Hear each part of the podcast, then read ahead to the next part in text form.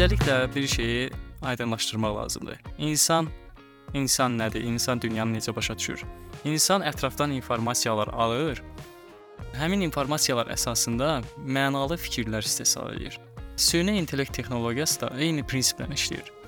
Ona da daxil edilmiş informasiyalar əsasında ya həmin informasiyaları təkrarlayan cavablar verir və ya da həmin informasiyalar əsasında ə, mənalı bir fikir istehsal edib qarşı tərəfə ötürür. Həmişə insanlarda belə bir sual yaranır.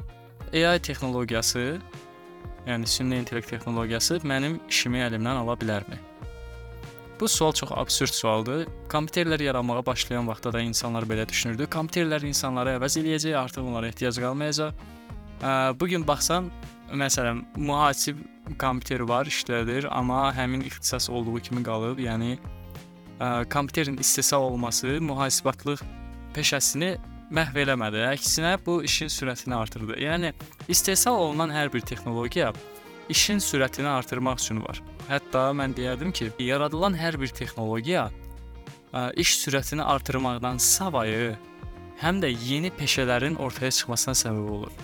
Getsək keçmişə, kompüter texnologiyasının ixtira olunmadığı vaxtlara, orada da görərik ki, məsələn, ə, kodlaşdırma adlı bir peşə bəlkə də bu qədər geniş yayılmamışdı, bu qədər məşhur deyil idi, ya da bu sahədə işləyən insanlar ya ümumiyyətlə yox idi, mütləq elə bir dövr olub, ona söz yox, ya da çox-çox az idi. Amma bu gün görürük ki, ə, kod sahəsi üzrə çoxlu ə, peşəkar insanlar var və bu insanların sayı artmaqda davam eləyir. Çünki bu sahəyə böyük bir tələbat var. Hətta AI texnologiyasının yaradılması da məhz bu sahənin daha da inkişafına səbəb olacaq. Çünki süni intellekt mühəndisi adlı yeni bir ixtisas var. Bugünə kimi var idi, yox idi. Bəlkə də var idi, amma aktual mövzu deyil idi. Hal-hazırda süni intellekt texnologiyasının inkişafı ilə bərabər yeni sahələrdə yaranmış oldu. İkinci yaranan sual da ondan ibarətdir ki, insanlar yenə düşünür ki, süni intellekt dizaynerlərin, sənətçilərin ə, işini əlinə alacaq və ya da onları tamamilə əvəz eləyəcək. Bu da mənə elə gəlir ki, yanlış bir fikirdir. Çünki hal-hazırda süni intellektin ə, maksimal gücü sənətçilər üçün bir vasitə olmaqdan o tərəfə keçmir. Yəni sənətçilər, dizaynerlər bundan istifadə edirlər. Ə, öz işlərini optimallaşdırırlar, sürətləndirirlər və AI texnologiyasını bir alət olaraq istifadə edirlər. Məsələn, Photoshopda tanıdılan AI sistemi hansı ki bu AI sistemi Canva applicationında daha əvvəl var idi. Mən səhv eləmirəmsə, bəli, ondan dəfələrcə istifadə eləmişəm. Sonradan ə, Adobe şirkəti tərəfindən yeni bir AI məhsulu, yəni Photoshop üçün təqdim olundu.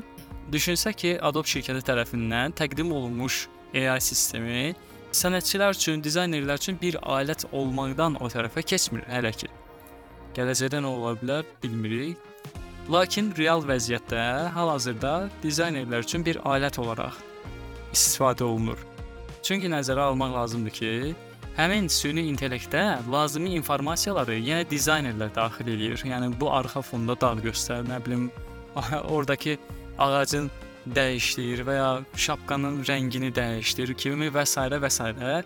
Çünki dizayner öz beynində bu informasiyalar əsasında mənalı bir fikir nəzərdə tutur və bu fikri ortaya çıxarmaq üçün AI sadəcə ona kömək eləyir. Yəni bir alət vəzifəsini oynayır. Mənə elə gəlir ki, süni intellekt hal-hazırki vəziyyətdə kiminsə işini əlindən ala biləcək səviyyəyə çatmayıb. Mənə elə gəlir ki, bunun üçün qabağımızda kifayət qədər vaxt var ə, həmin nəticəyə çatmaq üçün vaxt tələb olunur. Ə, çünki nəzərə almaq lazımdır ki, insan beyninin işləmə prinsipi hələ tam aşkar deyil. Ən azından bizim üçün bu belədir. Bəlkə də hardasa kimlərsə bu problemi həll ediblər ə, və artıq nəticə çatıblar. Bunu deyə bilmərəm. Amma real vəziyyətdə hal-hazırda belə bir şey labüd deyil. Düşünmək lazımdır ki, AI sistemi özü özlüyündə ona daxil olmuş informasiyalar əsasında mənalı bir fikir formalaşdırsın. Bunun üçün gərək insan beynini əvəz eləmiş olsun. İnsan beynini əvəz eləmək üçün də AI texnologiyasını yaradan mühəndislərin əlində beynin işləmə prinsipinin hər bir metodikası olmalıdır. Yaxşı, beyin belə işləyir və bizim yaratdığımız AI sistemi də beyni bu formada təqlid edə bilər. və nəticə olaraq artıq süni intellekt bir insan kimi düşünə bilər. Gəlin hətta sizə belə bir nümunə göstərim. Bu yaxınlarda bir video material gördüm. Daha doğrusu belə video materiallar çoxdur. Siz rahatlıqla internetdə tapa bilərsiniz. AI sistemi ilə yaradılmış bir video materialdır. İnsandır, baxır, hərəkət eləyir, çox natural görünür. Yəni düşünürsən ki, həqiqətən orada dayanan real bir insandır və onu ə, sadəcə qeydə alıblar, video qeydə alıblar, amma əslində belə deyil. Bu AI texnologiyasından yaradılmış bir video materialdır. Lakin düşünək, həmin bu video materialın ortaya çıxması və ya da AI sisteminin bu kimi bacarığının olması filmmakerların işini əlindən aldımı? Xeyr. Əksinə filmmakerın VFX tərəfini daha da gücləndirmiş oldu, daha da asanlaşdırmış oldu. Ümumilikdə belə nəticələmək olar ki, AI sistemi çox möhtəşəm bir sistemdir.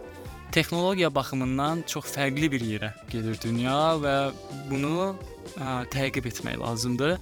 Düşünürəm ki, hər bir gənc, hətta hər kəs yaşından asılı olmayaraq yeni çıxan texnologiyalarla iç-içə olmalıdır. Bir cəmiyyəti inkişaf elətdirən əsas nüans ondan ibarətdir ki, həmin insanlar, həmin cəmiyyətin fərdləri yeni çıxmış texnologiya olsun və ya da ə, məlumat olsun və ya da elm sahəsində hər hansı bir ə, detal olsun və s. və s. bunları təqib etməyi bacarmalıdır.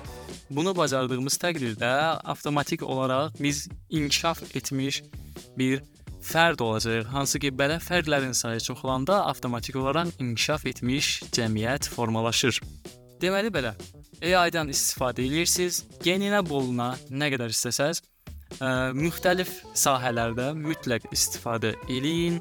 Bu sizin işinizi asanlaşdıracaq və həm də sizin yeni bir dünyaya inteqrasiya olunmağınıza kömək edəcək. Bu da bizi cəmiyyət olaraq geri düşməkdən xeyli xilas eləyə bilər. Fikirlərimizi bu formada nəhayətləndirdik. Bugünkü ə, podkastımızın sonuna çatdıq. Məni dinləmədə qalın. Sizinlə mən Mahir Əzizov idim. Bunu da qeyd edim ki, podkastlərimi bütün platformalar üzərindən rahatlıqla dinləyə bilərsən. Podkastları dostlarınla paylaşmağı və fikirlərini mənimlə bölüşməyi unutma. Özünə yaxşı bax.